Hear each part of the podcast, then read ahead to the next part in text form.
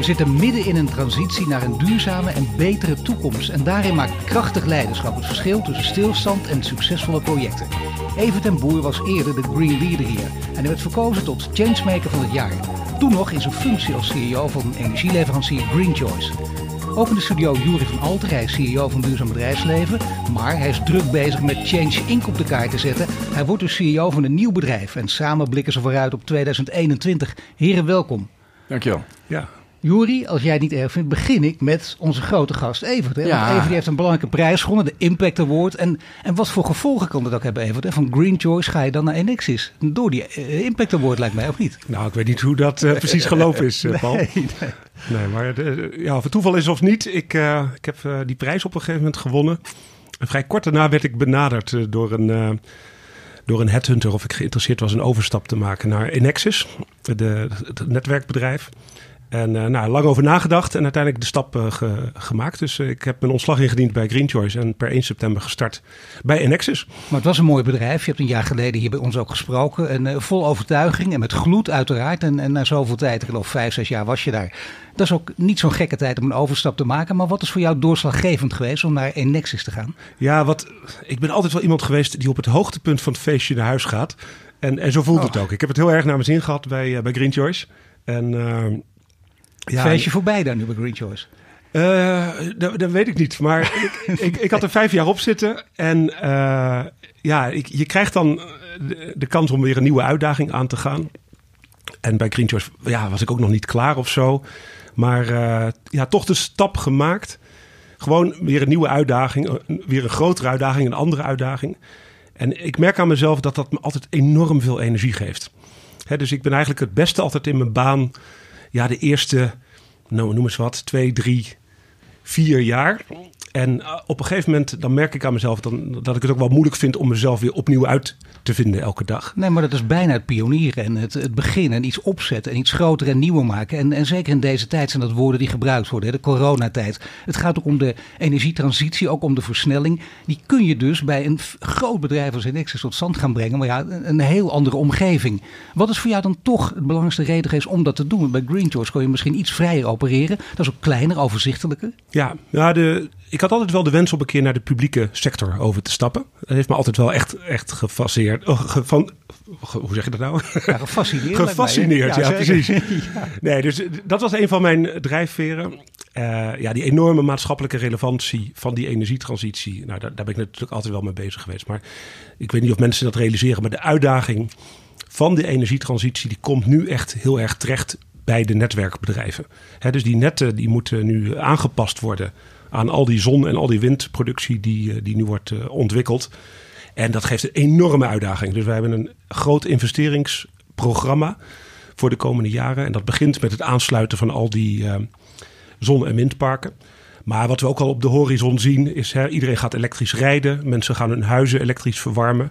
Wat voor onze laagspanningsnetten ook een enorme investeringsopgave geeft. Ja, je noemt het uh, uitdagingen. Het zijn grote opgaven. Het komt in de praktijk op neer dat je de transitie zult moeten versnellen. Hè, dat zijn ook hele mooie woorden op papier. Je staat er nu middenin. Je hebt er direct mee te maken. Maar wat betekent dan versnelling als je in termen van tijden denkt? Gaat het dan over jaren? Uh, moet, je, moet je 10, 20 jaar? Of moet dit echt in twee, drie jaar tot stand zijn gebracht? Nou, geloof me, heel veel van die, uh, van die netwerken die we in Nederland in de grond hebben zitten, die gaan tientallen jaren mee. Wij, wij rekenen zelfs dat een investering in een netwerk 40 jaar, over 40 jaar wordt afgeschreven.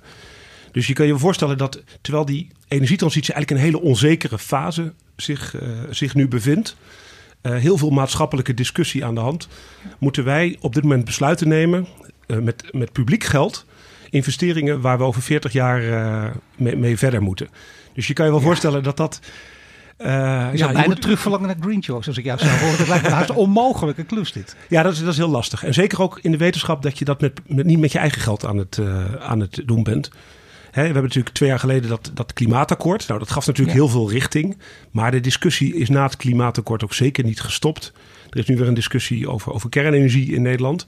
En al die discussies geven uiteindelijk toch onzekerheden van hoe dat netwerk zich de komende jaren uh, moet, moet ontwikkelen. Transitie in onzekere tijden, maar dat is jou toch op het lijf geschreven? Ja, nou dat, dat vind ik leuk. En uh, waar we nu vooral heel hard mee bezig zijn. Er wordt heel veel zon in Nederland ontwikkeld. En uh, daar zit, daar moeten we ook eerlijk zijn, daar is congestie noemen ze dat. Dus dat er eigenlijk beperkingen zijn in het netwerk. Dat we op dit moment gewoon niet alles aangesloten krijgen. Dus ja, wij zetten echt alles op alles op dit moment om uh, zoveel mogelijk uh, duurzame opwek uh, aangesloten te krijgen. Ja, dat is wel belangrijk, want stel dat het niet lukt. Nou ja, er zijn nu wachtrijen. Dus, dus als je ja. kijkt naar de kaart van Nederland, waar je nog duurzame opwek kan, kan ontwikkelen, dan kleuren steeds meer gebieden oranje of rood. En dat betekent dat er schaarste is aan, aan aansluitcapaciteit. Um, en wat, waar wij ook heel erg tegenaan lopen is een tekort aan gekwalificeerd technisch personeel.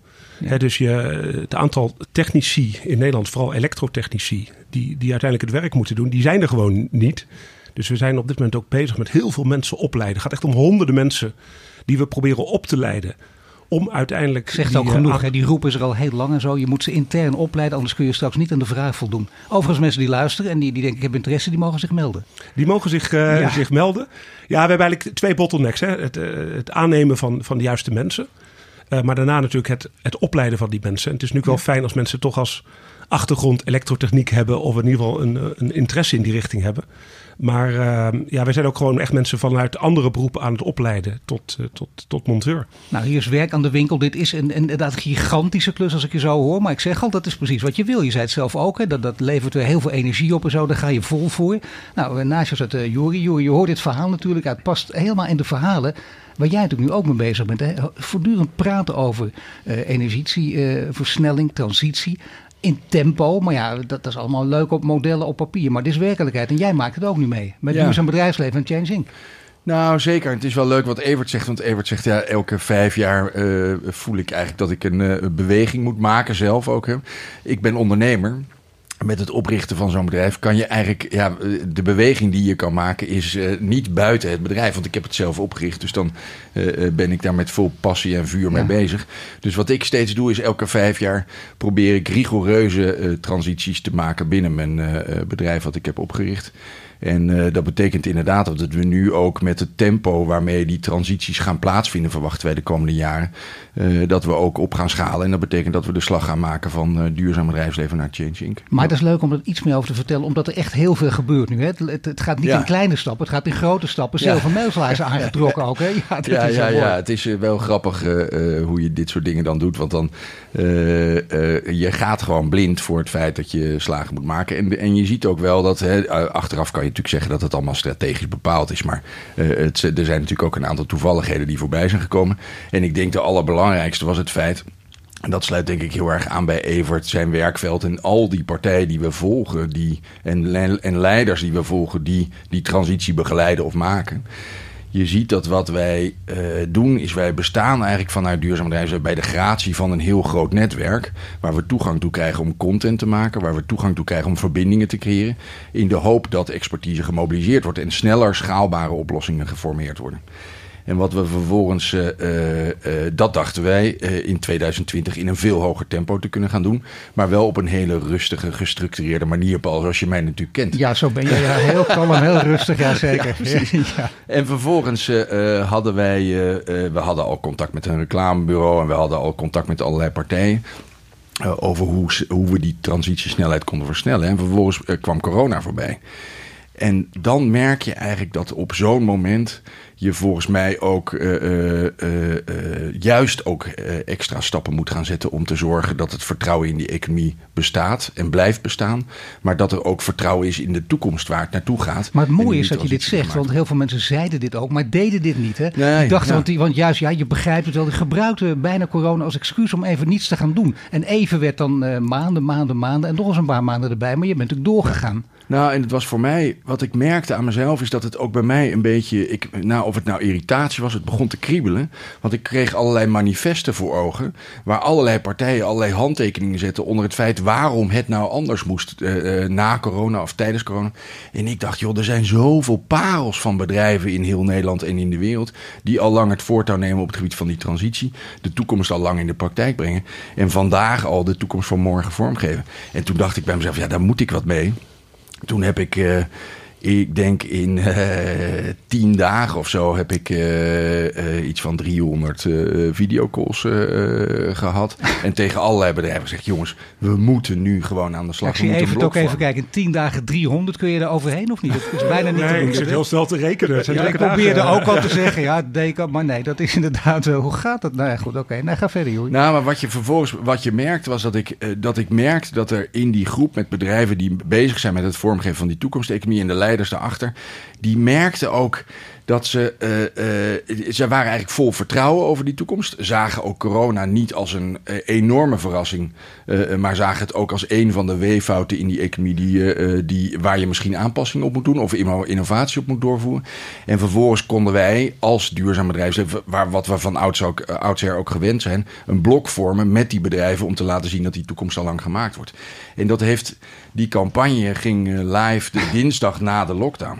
Ik heb nog nooit zoiets meegemaakt. Het was echt bizar met een buitenreclamecampagne met grote advertenties in het FD, BNR. Overal, op welk platform dan ook, online waren we zichtbaar. En ik denk dat dat heel veel heeft gedaan. Tenminste, dat is de, zijn de reacties die ik gekregen heb. Maar van... heel veel bedrijven ook, dat is juist het mooie, die ook mee wilden doen. Natuurlijk, bij alles en iedereen is er aarzeling. Maar het is een hele grote groep die heeft besloten heeft om juist in deze tijd mee te gaan. Omdat ze al zeiden, ja, dit, dit, dit, dit overkomt ons nu, maar uh, ja, we wilden toch al deze kant op. Ja, nou, en dat was, en dat was natuurlijk heel leuk. Hè? Want ik denk juist na zo'n corona-lockdown na zo'n corona lockdown merkte je ook dat eigenlijk niemand van die bedrijven uh, op zichzelf borstkloppend naar buiten wilde trainen. En wij konden daar denk ik een goede modus in zijn om die trots nog steeds naar boven te krijgen.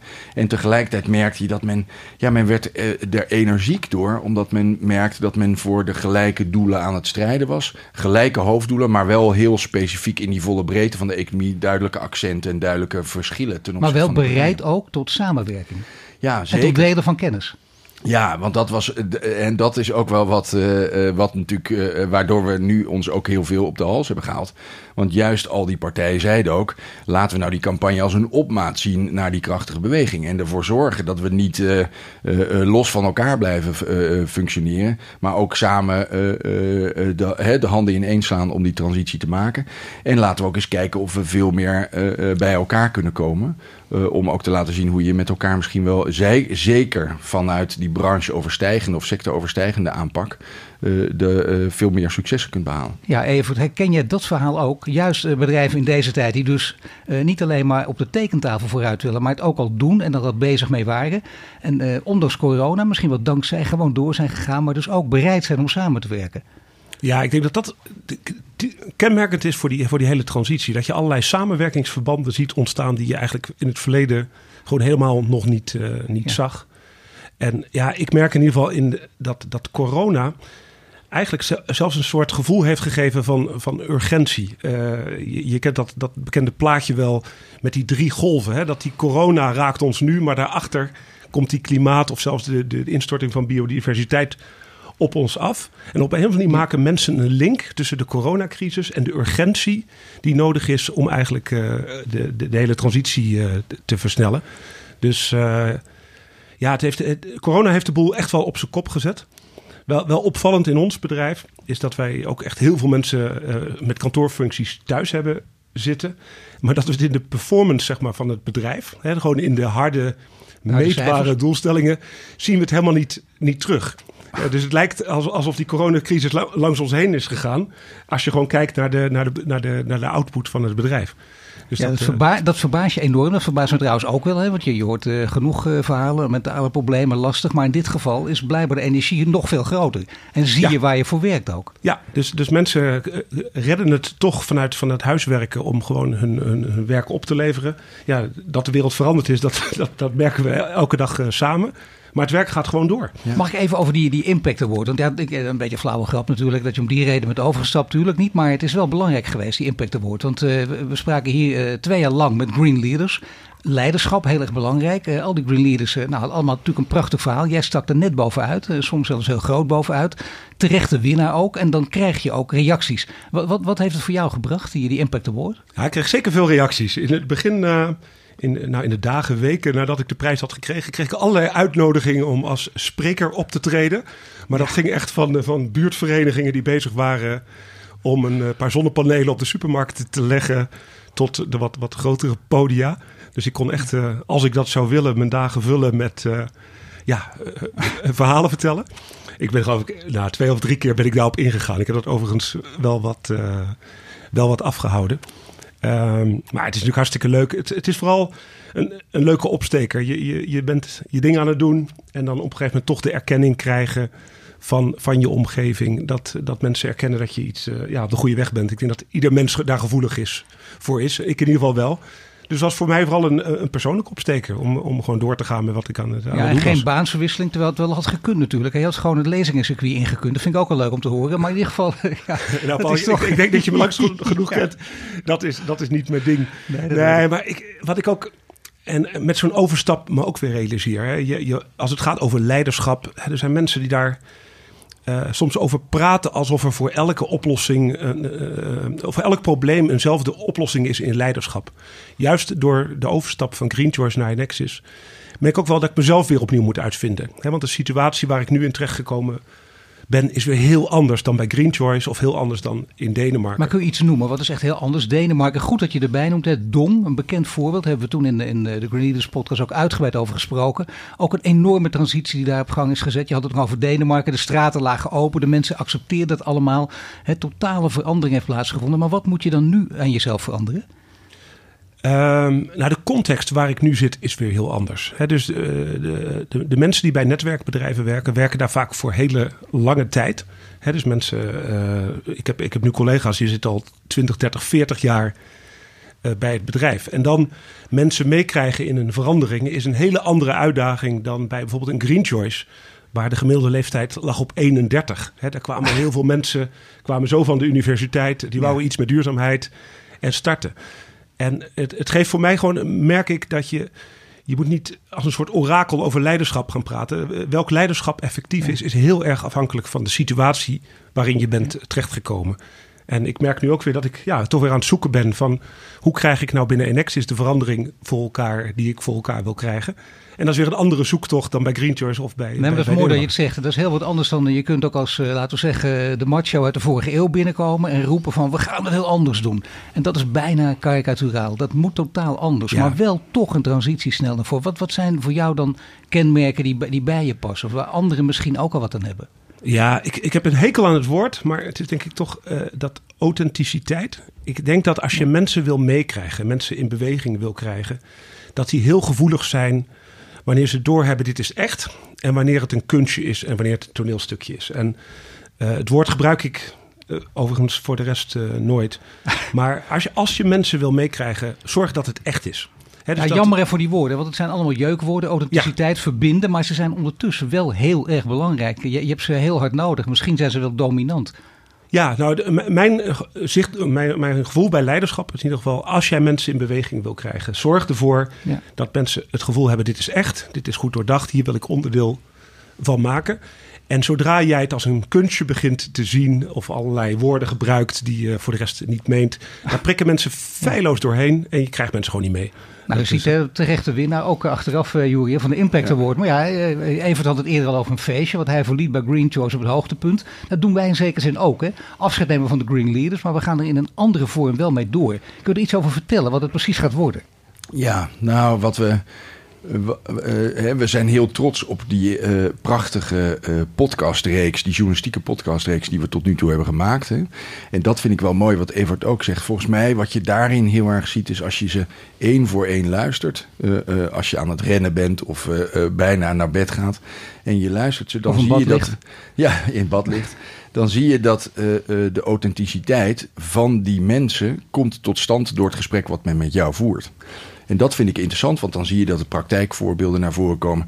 Dat men heel erg met de poot in de klei staat. Dat men ziet dat men zelf ook stappen moet durven zetten. En moet, uh, verder moet gaan dan alleen maar uh, managementtheorieën uh, in de praktijk proberen te brengen. Ja, mooi trouwens toch even wat Evo dus zegt, want daar gaat het over. Dat vind ik ook. Steeds bijna een soort rode draad dat het daar ook over gaat. Nee, het is niet in één mal te gieten en zo. En, en dan authenticiteit. Iedereen heeft last van dit soort woorden. Maar je begrijpt allemaal wat ermee bedoeld wordt. Draagvlak, ook zo'n vreselijk woord, maar dat wel nodig is. Niet zomaar top-down, doen dit. Ja, nou en ik denk dat, hè, en als ik dat dan vergelijk, ik ben zelf ondernemer, maar als ik dat vergelijk met de, met de andere green leaders, dan is dat eigenaarschap wat daar getoond wordt. En dat is misschien nog wel belangrijker dan ondernemerschap. Dus dat vind ik, vind ik cruciaal om vast te houden. Wat we vervolgens hebben gedaan, is dat we gezegd hebben achter de schermen of onder de motorkap van Duurzaam Bedrijfsleven waren we eigenlijk continu met de redactie bezig om te kijken wie zijn nou de beste green leaders. En dat hele selectieproces, dat deden we allemaal onder de motorkap en niemand zag daar wat van.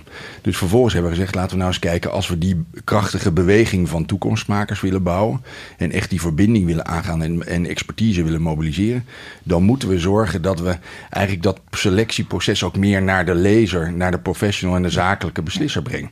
En dat betekent dat we daarmee, hè, toen we eigenlijk daar op uitkwamen, merkte ik dat ik daar eigenlijk nog veel meer uh, energie van kreeg. Omdat ik merkte hoe mooi is het om dan straks 150 changemakers op een podium te hijsen. Daar natuurlijk wat winnaars van de week uit te halen. Met weer een Impact Award winnaar. Maar dan krijg je natuurlijk een prachtig palet aan uh, leiders. Niet alleen in de Randstad, maar ook in de regio. Je kunt mensen ook meer eer aan doen. Hè? Want het is niet Prachtig. één winnaar. Je hebt er drie. We hebben drie genomineerden. Daar kiezen we dan één winnaar uit. Dat is om het allemaal extra spannend te maken natuurlijk. Maar je hebt drie winnaars per week. Ja. Dat is het voordeel. En het mooie is natuurlijk wat, hè, en dat zal je ook wel zien zometeen als we dat nieuwe platform lanceren. Maar dat betekent dus dat je straks een hele rijke directory krijgt van changemakers. En daar gaan wij natuurlijk ook meteen mee aan de slag. Dus de winnaar is natuurlijk mooi. Het is altijd leuk om een winnaar te verkiezen. Maar hoe mooi is het dat je inderdaad al die verschillende changemakers hebt die we kunnen mobiliseren. Die we kunnen verbinden aan andere partijen. Waar we meer aandacht aan kunnen besteden. Waar we meer nog de inhoud kunnen dekken. Ze zitten, hè, dan zijn ze op de radar.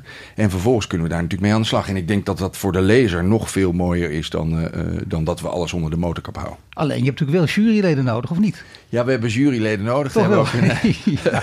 En als je dan uh, uh, elke week met een verkiezing, hè, met de Changemaker van de Week verkiezing komt, is het ook wel lekker dat je een brede jury hebt. Dus dat betekent dat we een, een prachtige groep met ervaringsdeskundigen hebben. Evert, uh, natuurlijk als winnaar van vorig jaar, een grote eer dat hij onderdeel wordt van de jury. En dat betekent dat we een prachtige groep hebben, ervaringsdeskundigheid op allerlei verschillende vlakken, met allerlei prachtige partijen met wie we dat samen doen. Ja, ja en steeds het woord community, hè, dat hoort er ook bij. samen aan iets werken. Ik heb het ook heel vaak gehoord in de, in de Green Leaders eh, podcast ging het over, met name in coronatijd, over onvermoede coalities. En dat is interessant. Jullie hebben allebei in je leven ook dit soort uh, coalities en veranderingen doorgemaakt. Jij, Jury, bij Van Gansenwinkel. Dacht iedereen ook, dat kan niet van een afvalverwerker. En dan gaat het opeens, wat ga je doen? Je, je moet iets totaal anders gaan doen. En dan denk je, wacht even, die grondstoffenleverancier kan ook worden. En dat zijn van die mooie situaties, omdat je eerst wordt weggelachen en weggehaald. Ja. mensen geloven het niet. En je ziet dat het kan. Dat lijkt me bepalend in je leven bijna. In je werkzame leven. Nou, zeker. En ik denk dat dat uh, ik heb heel veel te danken aan mijn periode bij Van Ganswinkel. Omdat ik daar geleerd heb en ook gemerkt heb hoe fantastisch het eigenlijk is dat je en commercieel bezig kunt zijn. Ik was daar commercieel directeur van de Randstad. Prachtige dingen kunt doen, maar wel met een bedrijf bezig bent waar je een maatschappelijke impact kunt maken. Van afvalstromen grondstoffen kunt creëren. En vervolgens met vuilnismannen werkt die gewoon het werk doen, die keihard moeten werken. En waarvan je meteen merkt dat de pensioenleeftijd of andere problemen die er uh, op hun weg uh, terechtkomen dat je daar oplossingen voor moet vinden die anders zijn dan voor eh, de pennenlikkers zoals ik. En dat vind ik wel het mooie. Ik ben in 2002 volgens mij ben ik begonnen bij uh, Van Ganswinkel. Toen uh, moesten mijn vrienden, die lachten mij uit. Want die zeiden, wat? Sorry, bij vakantiewinkel? Ga je bij vakantiewinkel aan de slag?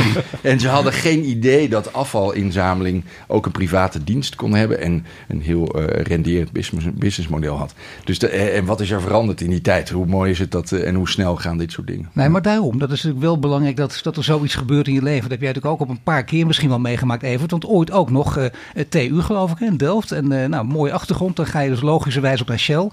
Dat heb je ook gedaan, een aantal jaar. Dus je kent ook die wereld. En je komt opeens langzamerhand, maak je omzwervingen, kom je op andere plekken terecht. Moest je ook af en toe afrekenen met, met gehoon of eventjes de rug rechten en denken van nou, ik ga toch deze kant op? Ja, bij mij zijn in mijn leven ook wel een paar keer kwartjes gevallen. Maar ik ben, ook, blij, ik ben ook altijd heel open over geweest. Ik ben inderdaad ooit begonnen in de fossiele sector. Ik was exploratiegeofysicus. Ik spoorde olie- en gasvoorraden op. En zelfs het eerste project wat ik aan deed was onder de Waddenzee. Dus dat je, dat je ooit tot Green Leader uh, kan schoppen. Terwijl je eerste project was olie of gas opsporen onder de Waddenzee. Ja, dat geeft dat je jezelf ook een paar keer opnieuw moet, uh, moet uitvinden. Maar ja, ik vind daar dus niks niks mis mee. Uh, en ik vind het juist heel mooi als bedrijven zichzelf ook opnieuw kunnen uitvinden. En ja, wat ik het meest aansprekende verhaal vind, vind ik het verhaal van, uh, van Dong, Dong Energy. Dat heet tegenwoordig ja, Ørsted. Ja. Dat was gewoon een traditioneel Deens energiebedrijf. Gewoon met kolencentrales, met, met gascentrales. Gewoon een traditioneel bedrijf zoals we die in Nederland ook hebben. En die zijn uh, afgelopen jaar uitgeroepen in, in het Wereldforum in Davos als het meest duurzame bedrijf ter wereld. Weet je, een wereldmarktleider in offshore wind. Ja. En ja. ja. je kan er een boek over schrijven, die zijn er ook wel over geschreven. maar, het zeggen, ja. maar, maar het besef dat dat gewoon ook mensen zijn, dat het gewoon ondernemers zijn, ja, die op een gegeven moment zeggen: we gaan het gewoon doen. En, en, en dat soort stappen durfden te zetten. En dat dat, uh, nou, dat die transformatie echt gebeurt. Maar dat het wel gewoon mensen zijn die daar met alle onzekerheden waar, waar ook zij mee zaten. Uh, ja, dat soort stappen. Maar verschillende mensentypes, hè? want inderdaad in, in de commerciële, in de publieke sector, beide uh, werelden ken je nu. Uh, Shell, wat ik al zei. Ook, ook natuurlijk heel interessant als we kijken dat de cirkel bijna rond is. Dat kernenergie, dat kon niet, daar maar voor altijd afscheid van. En nu toch ook weer in de achterhoofd. Dat kan ook nog een rol gaan spelen. Nou, jij weet er alles van, hè? want was je vader ook alweer? Ja. ja. Je hebt een goed geheugen, Paul. ja, zeker. Zeker voor dit soort dingen. Ja, ja, ja, ja, ja. Mijn, vader was bedrijfsdirecteur van de kerncentrale. Inmiddels 83, maar uh, nog steeds uh, nauw betrokken bij, uh, bij, bij, die discussie. nee, maar ik, ik, ik vind het mooi. En ik, de transformatie van die bedrijven vind ik mooi. Maar het is ook wel wat Jury zegt. Het is ook wel voor jezelf. Je moet jezelf ook elke keer opnieuw uitvinden. En, en daartoe bereid zijn. En ik vind dat, uh, het maakt je elke keer ook wel weer even bescheiden als je zo'n stap maakt. En dat je tegen allerlei dingen van jezelf weer aanloopt. Van hoe ga ik hier nou weer mee om? En hoe ga ik hier uitkomen?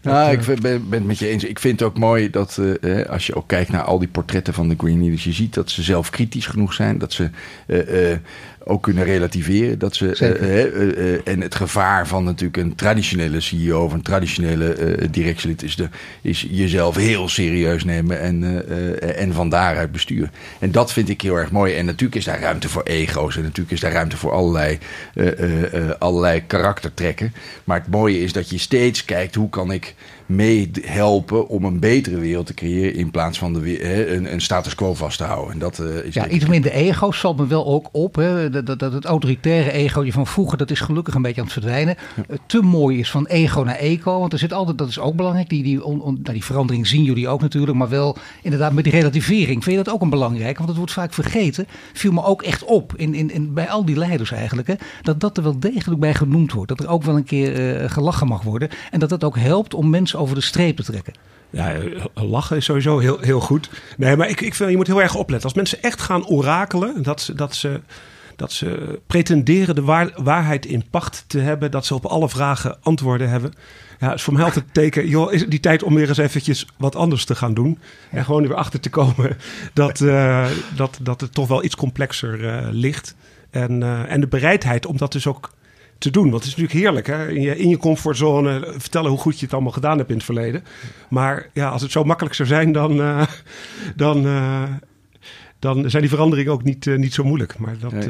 nou ja, nou, daarom is... Ja, en, het, nou, en dat vind ik ook wel mooi, hè? want we praten natuurlijk... Hè, we hebben het nu over allerlei partijen die het voortouw nemen... die grote stappen zetten. Maar ik denk juist een belangrijk onderdeel ook van het uit die coronacrisis komen... is dat er een heel groot, grote kritische massa is die nu wel tot inkeer is gekomen en inzicht heeft gehad. We moeten dit op een andere manier gaan doen. Maar volgens mij moeten die nu aan de hand genomen worden. Die moeten geïnspireerd worden, verbonden worden. Die moeten geholpen worden. Om ook te zien, als je dan de conclusie trekt dat je het anders moet doen. Hoe ga ik dat dan doen? En wat moet ik dan doorvoeren? En hoe kan ik mijn bedrijfsprocessen aanpakken? En ik denk dat daar past alleen maar een leider bij. Of daar passen alleen maar concrete voorbeelden bij. Waarmee je zichtbaar en tastbaar kan maken hoe je de volgende stap kan zetten. Daar hoort nou ja, er zijn, wel grote, er zijn wel grote veranderingen uh, sinds sinds 2012 hebben plaatsgevonden. Hè? Kijk naar uh, jij, je omgeving, met een beetje gelachen van ganzenwinkel. Ik denk als je jouw leeftijd van toen en nu, je gaat bij zo'n bedrijf werken, dat je eerder schouderklopjes krijgt. Dat mensen dat ook begrijpen en interessant vinden. Ja, nou, en wat Evert ook terecht zegt, ik denk dat er, uh, dat er ook binnen die verschillende organisaties natuurlijk een enorme druk zit op uh, hoe vind ik de toekomstige generatie werknemers die ook kunnen helpen om die transitie te maken, waarbij je een veel grotere slag moet maken dan de afgelopen uh, vijf tot tien jaar. Ja, ja, ik vind het wel heel mooi om te zien. Dat ja, zie je nu echt, tenminste ik zie het echt veranderen. Hè? Dus wie er nu van, van scholen, universiteiten afkomt, er is veel meer intrinsieke motivatie ja. dan eerlijk gezegd toen, toen ik uh, afstudeerde. Dus mensen zijn veel meer bezig met ja, waarom wil ik bij dit bedrijf werken? Wat is het grotere maatschappelijke belang waar ik een bijdrage aan kan leveren? Ja, dat denk ik, ook. Dat, nou ja, dat merk je ook aan bijna alle, alle, alle green leaders, kan ik haar zeggen. Vertellen ze ook over mensen die ze hebben aangenomen. En de jonge mensen ook. En dan gaat het over inderdaad, uh, laten we zeggen, je, kunt, je kunt zeggen het is in de mode, maar dat heeft bijna ook weer wat negatiefs. Want in de mode dan vervliegt het weer na twee jaar. Maar dit is blijvend. En dit is ook heel interessant blijvend. En je wil constant kunnen aanpassen aan nieuwe omstandigheden. Daar ga je het misschien wel moeilijk mee hebben in jouw nieuwe plek. Met die hele grote club. Want wat moet je daar extra leveren? Je moet allemaal je gedachten nog over laten gaan. Je kunt hier geen blauwdruk neerleggen natuurlijk. Maar wat zul je extra moeten leveren met een hele grote club mensen om je heen? Dat is toch wat een andere manier van leiding geven. Ja, wat wel goed is. Ik ben zelf helemaal niet van de school dat je de cultuur als cultuur moet aanpakken. Het, het goede is, wij, wij hebben gewoon een enorme veranderagenda. Omdat we gewoon allerlei investeringen moeten gaan doen. En daarin moet, moeten versnellen. En ik focus wat dat betreft gewoon echt op de businessveranderingen die nodig zijn. Maar probeer daarin de, de meer de cultuur en de leiderschap uh, daarin in mee, te, uh, mee te krijgen. En niet andersom. Volgens mij is dat nog veel moeilijker. Dus in een, in een business die eigenlijk stilstaat, om daar echt een verandering voor elkaar te krijgen, lijkt me heel, heel lastig. Maar uh, dus het uitgangspunt voor ons is denk ik wel, wel goed. Is dat er gewoon heel veel werk aan de winkel is. En uh, ja, dus wat dat betreft kunnen we vooruit. Nou, dat geldt voor Jury natuurlijk ook. Hè, over veel werk aan de winkel gesproken. God, ik geloof dat hij weinig geslapen. Je hoort dat niet hè. Volgens mij heeft hij weinig geslapen. Is mijn indruk een beetje Jury kennende. Maar dat geeft helemaal niet. Je kunt ook aan weinig slaap toe hè Jury. Ja. Kunnen we even klappen hier hè. Hoeveel slaap je per nacht ongeveer? Nou, ik heb niet zoveel slaap nodig. Ik, uh, Uurtje of... Ik weet niet of dat nou te maken heeft met de grote transitie die we maken. Maar ik vind, ja, ik geniet enorm van... Ik krijg heel veel energie van de dingen die we doen. En dat betekent dat ik uh, eigenlijk de hele tijd uh, in mijn hoofd aan het nadenken ben hoe we weer mooie slagen kunnen maken en hoe we dingen beter kunnen doen. Ja. alles te maken met die transitie. Hè? je ja. gewoon, dat heeft met eigenaarschap te maken. Juist uh, heel betrokken, dicht bovenop zitten. Wat vind je, dat wil ik nog laatste wel even van je weten trouwens, Evert. Je wordt jurylid, je hebt die mooie prijs gewonnen, toen Green Leader. Wat vind je van, van de nieuwe naam, de naamsverandering van duurzaam bedrijfsleven naar Change Inc? Ja, ik, eerlijk gezegd zag ik hem al een tijdje aankomen. Oh. Dat, toen die Change campagne dat was ergens in, in, het vroege voorjaar volgens mij. Hebben we daar voor het eerst over gesproken. Toen ging er al, zei er al iemand een keer... Zou me niet verbazen als dat gewoon de nieuwe naam wordt. Maar Jori heeft tussen de regels door ook wel eens gezegd dat hij de naam duurzaam bedrijfsleven ook wel een mond vol vond. Dus uh, ik, ik was er totaal niet door verrast. Ik zag hem eigenlijk aankomen. En ik ben blij dat nu de, de kogel door de kerk gaat en dat het nu echt wereldkundig uh, gemaakt wordt. Maar dat is wel vaker. Als iets een goed idee is, dan komen mensen gelijktijdig op hetzelfde idee. Dus uh, ik vind het een hele logische stap. En uh, volgens mij gaat hij heel goed aanslaan. Nou, het is een beetje wat Mark Rutte ook doet. Hè? Eerst dat proefballonnetjes oplaten en dan een persconferentie om dat aan te kondigen wat er gaat veranderen. En, nee, wat, even, wat voor mij heel belangrijk was, was dat hebben we, we hebben die Change Inc. campagne echt bedacht om de boel echt in beweging te krijgen en vertrouwen te wekken. Wat we wel merkten, wat ik eigenlijk steeds merkte, was duurzaam bedrijfsleven. Ja, het is ooit een URL geweest die ik in 2012 ergens uh, op uh, Your Hosting of zo ja. heb ge geclaimd. En het is een beetje museumjaarkaart. Hè? Je, je hebt het nodig.